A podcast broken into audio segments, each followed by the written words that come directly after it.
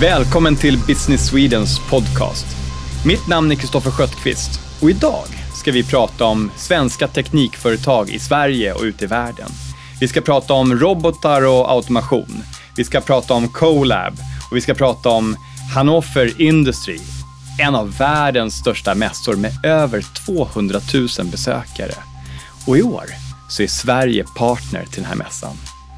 Med mig i studion idag har jag Cecilia Warhol från Teknikföretagen och Anna Liberg från Business Sweden. Välkomna! Tack så mycket Kristoffer. Tack så mycket. Cecilia, vi börjar med dig. Teknikföretagen, vad är det för någonting? Teknikföretagen är en bransch och arbetsgivarorganisation.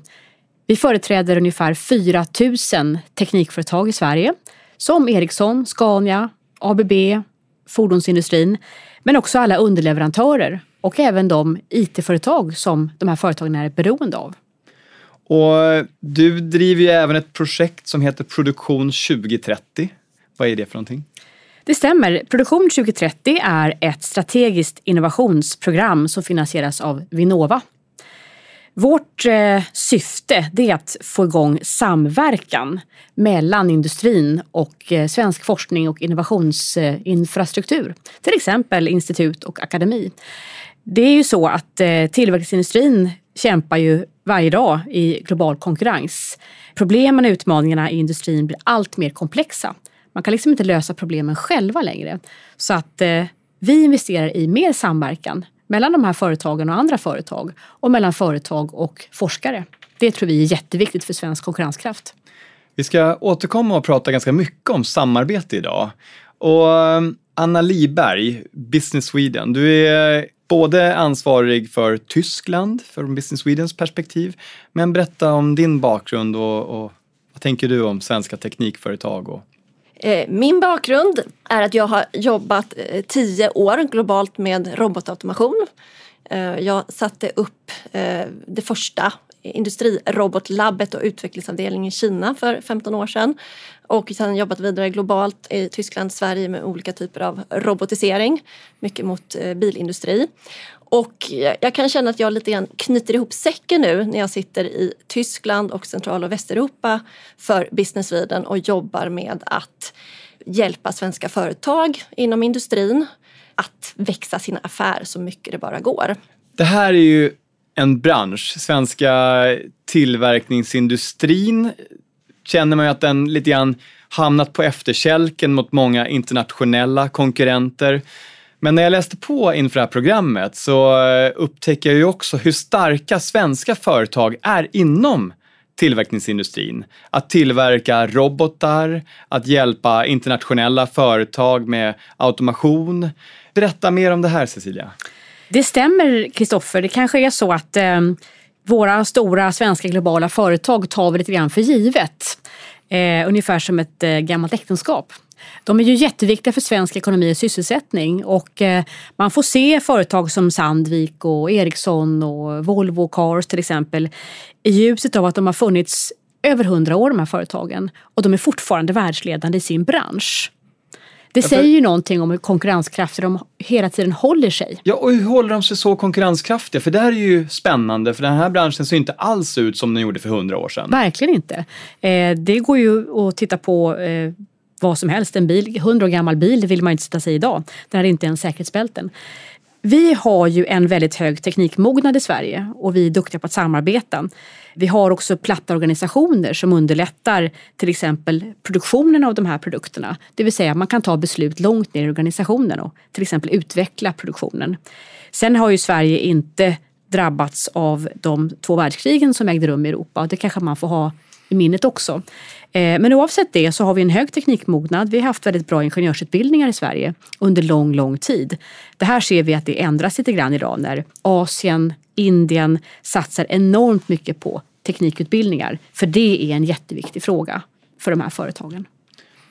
Och Anna, i Tyskland då? Vi pratar om att eh, Sverige har ett lite mer avslappnat sätt till hierarkier till exempel.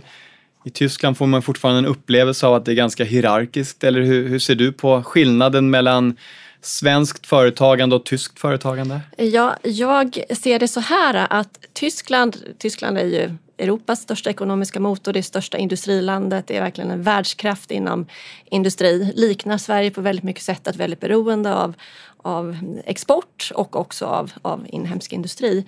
Men där Tyskland är världsbäst på kvalitet och process så är Sverige det på innovation och eh, lösningsförmåga. Och det är ganska olika approacher.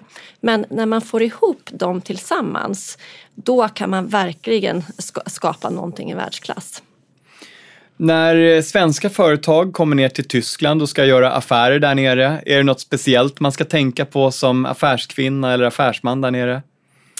Eh, Brukar ja. du rekommendera för någonting till eh, svenska företag eller svenska personer när de ska gå in i ett möte där nere? Eh, man ska nog vara mer precis och mer förberedd än vad man hade behövt vara i ett affärsmöte i Sverige. Att det förväntas att man tidigare kommer direkt till en, en punkt. Vad är, det, vad är det man är ute efter? På vilket sätt kan vi samarbeta? Och att underbygga det med på vilket sätt har vi tänkt det här? Har ni räknat på det här? Har ni, har ni en ritning av hur det ser ut? Vad kommer det här leda till? Tycker tyskarna att vi är flummiga? Eh, innovation går ju inte alltid hand i hand med process. Eh, inte flummiga utan de är nog eh, bara lite rädda och oroliga för att de vet att de behöver den här digitaliseringen. De behöver göra den här förändringsresan.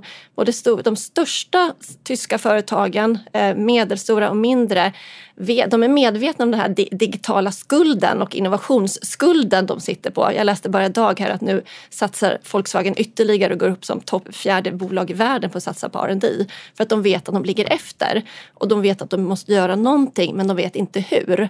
Och då är de jätteglada om det kommer duktiga svenska partners som kan berätta lite granna för hur de tar sig vidare med sin innovation och digitalisering. Cecilia, i Teknikföretagen, 4 000 medlemmar. Det måste finnas otroligt mycket olika typer av bolag där, men hur får ni dem att samarbeta bättre? Det är en väldig bredd på svensk tillverkningsindustri och det ska vi ju kanske vara väldigt tacksamma för. Det gör ju att vi i olika konjunkturcykler eh, nästan alltid har en delbransch som går bra. Till exempel om fordonsindustrin tappar så finns det andra, maskinindustrin till exempel, som, som är starka.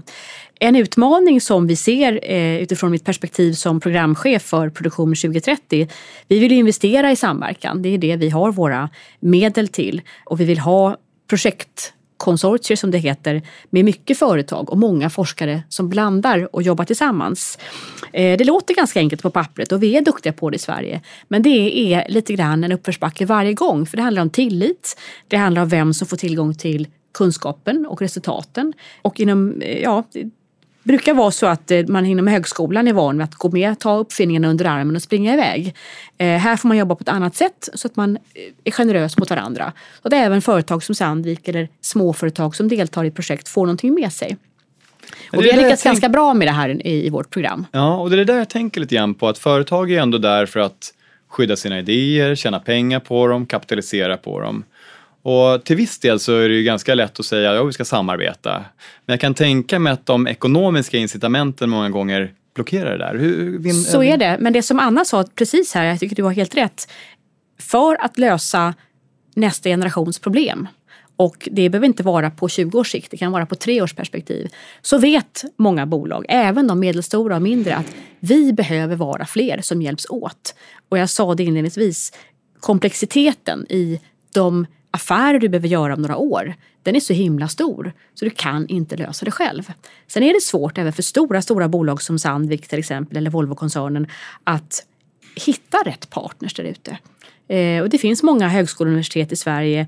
Vi har hela institutsektorn med flera tusen anställda. Hur hittar man rätt personer där som kan hjälpa dig? Eh, och vi försöker ju göra den här matchningen i Produktion 2030 så att fler företag hittar rätt forskningspartners att bli innovativa med tillsammans. Eh, och det, det går sakta framåt. Mm. Eh, men det behövs verkligen den här plattformen emellan. För det här går inte av sig själv. Anna, du har varit runt med företag i hela världen. Du har jobbat i Kina, du har jobbat i Sverige, Tyskland. Eh, vad är din, eh, din, din rekommendation till företag som vill bli bättre på att samarbeta med andra företag? Cecilia, du var inne på det här äh, kraften och vikten av samarbete mellan den privata sektorn och, och akademin. Eh, jag ser också andra typer av aktörer som måste samarbeta. Och där finns ju definitivt en geografisk aspekt. Att när du vill börja sälja din buss eller din robot eller din, eh, din skruvmaskin i Indien eller Kina eller Tyskland så finns, är det helt olika krav. Man kan kalla det för user cases. Så att ett anledning att gå utomlands det är ju faktiskt att, att pröva och testa och utmana på ett helt annat sätt. Och det kan handla allt från användarvänlighet till vilken typ av underhåll eller på vilket sätt man an använder, använder någonting. Så att det är ett samarbete som driver innovation och driver ny utveckling. Jag tänker på robotarna. De blir ju smartare och smartare och effektiviserar ju mer och mer. Den här utvecklingen går ju enormt fort nu. Berätta lite mer om det, Anna. Ja, eh, de första industrirobotarna kom ju på 70-talet och det var ju faktiskt en svensk industrirobot som var den allra första i världen. Och eh, redan då var man ju orolig för att, rob att robotarna skulle ta jobben.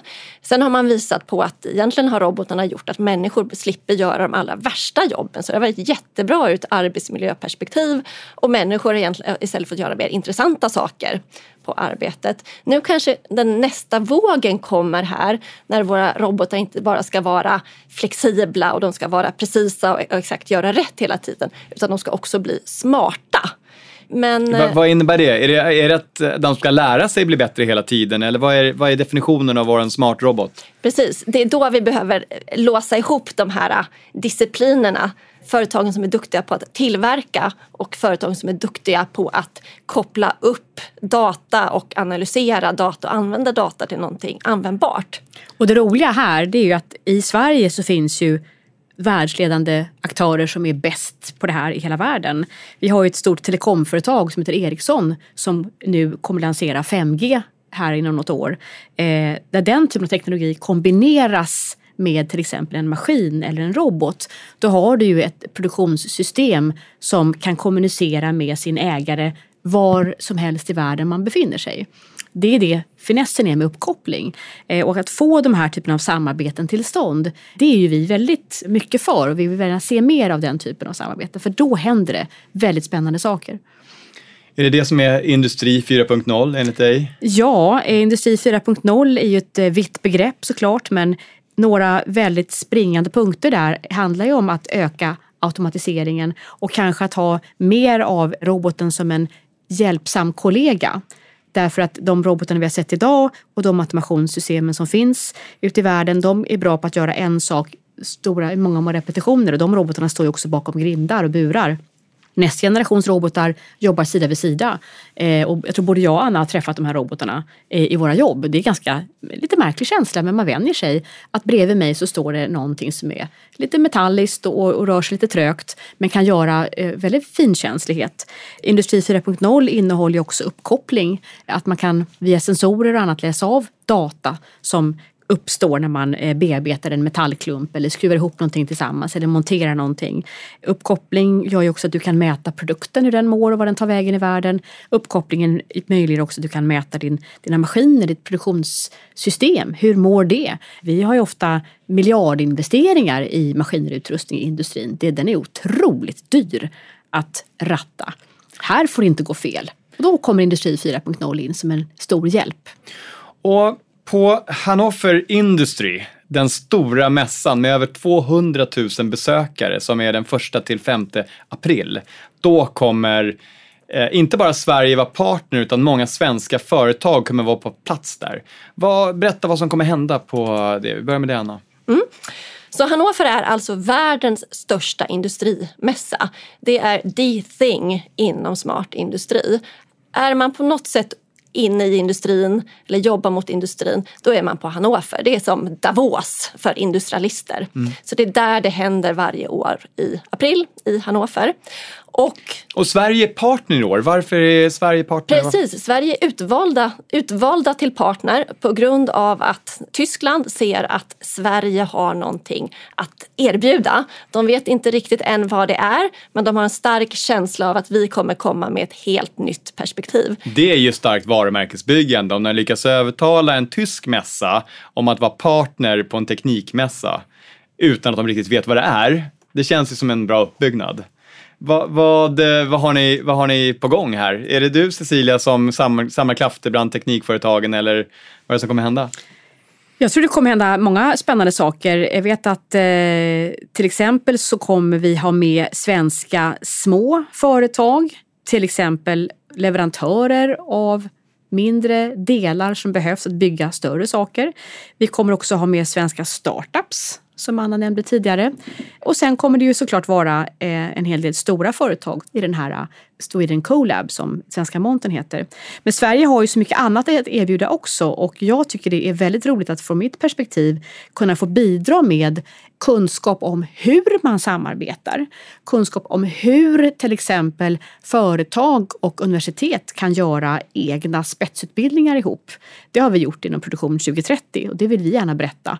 Vi har också en familj av testbäddsprojekt i Produktion 2030 vi tar med oss några av dem till Hannover. Testbädd, förlåt? Ja, testbäddar. Eh, ett sätt att prova någonting på riktigt. Inte bara laborera i, i liksom tidiga skeden utan att prova kan jag till exempel printa den här motorkomponenten med en additiv tillverkningsmetod till exempel på riktigt. Den typen av testbäddar kommer vi att ta med oss till Hannover i den här montern så vi kan visa för tyskarna hur vi tänker. Och ofta tror jag vi kommer att se samarbeten där företag och forskare tillsammans gör någonting. Och att den kollaborationen är väldigt spännande att förstå hur den går till. Så Anna, Business Swedens samarbete som heter CoLab, vad, berätta mer om det. Sweden Colab är Sveriges satsning och det är faktiskt Sveriges största promotionsatsning nästa år. Där vi vill positionera Sverige och svenska företag och svenska för, eh, produkter och lösningar som de världsledande inom smart industri. Och det gör vi då genom att ha en svensk paviljong som är Sweden Digital Factory Pavilion där vi visar de allra bästa showcasen kring hur kommer en fabrik se ut om fem eller tio år? Och det bygger vi upp med svenska företags lösningar och samarbetsprojekt. Hur gör jag som företag om jag vill vara en del av det? Då menar jag både som utställare framförallt eller som besökare? Så Sweden Colab är precis vad som det låter. Det handlar om att man är med i Sweden Colab och man, man blir medlem. Så då går man in på business-sweden.se och sen så finns det kontaktuppgifter där för hur man hör av sig till oss inom Sweden Colab. Kan jag få vara med mitt företag då och representera och visa upp mina produkter och tjänster där? Jättegärna. Så vi bygger upp en plattform men sen handlar allt om vad svenska företags lösningar och svenska företags eh, innovationsförmåga och hur vi visar den på bästa sätt för att visa hur vi driver smart industri framåt från ett svenskt perspektiv men givetvis med internationella samarbetspartner. Så Anna och Cecilia, avslutningsvis, vad har ni för råd till svenska företagare och företag?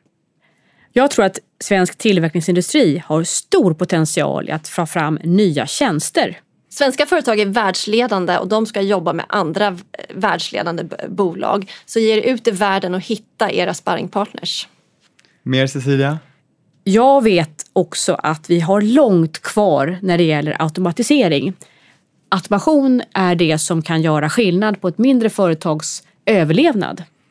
Hållbarhet är ju Sverige otroligt starkt på och det ska vi vara tydliga med att sälja också, att vi skapar hållbarhet med våra lösningar och produkter. Bra. Fyra saker att hålla reda på in i framtiden. Så något sista råd till svenska företag inom tillverkningsindustrin? Det man ska göra här och nu inom sex månader det är att gå med i Sweden Colab. För då är du med i plattformen och positionerar dig som världsledande inom smart industri globalt. Anna Liberg från Business Sweden, Cecilia Warrell från Teknikföretaget. Stort tack för att ni kom och delade er kunskap och er erfarenhet i vår podcast här idag. Tack så mycket. Tack så mycket.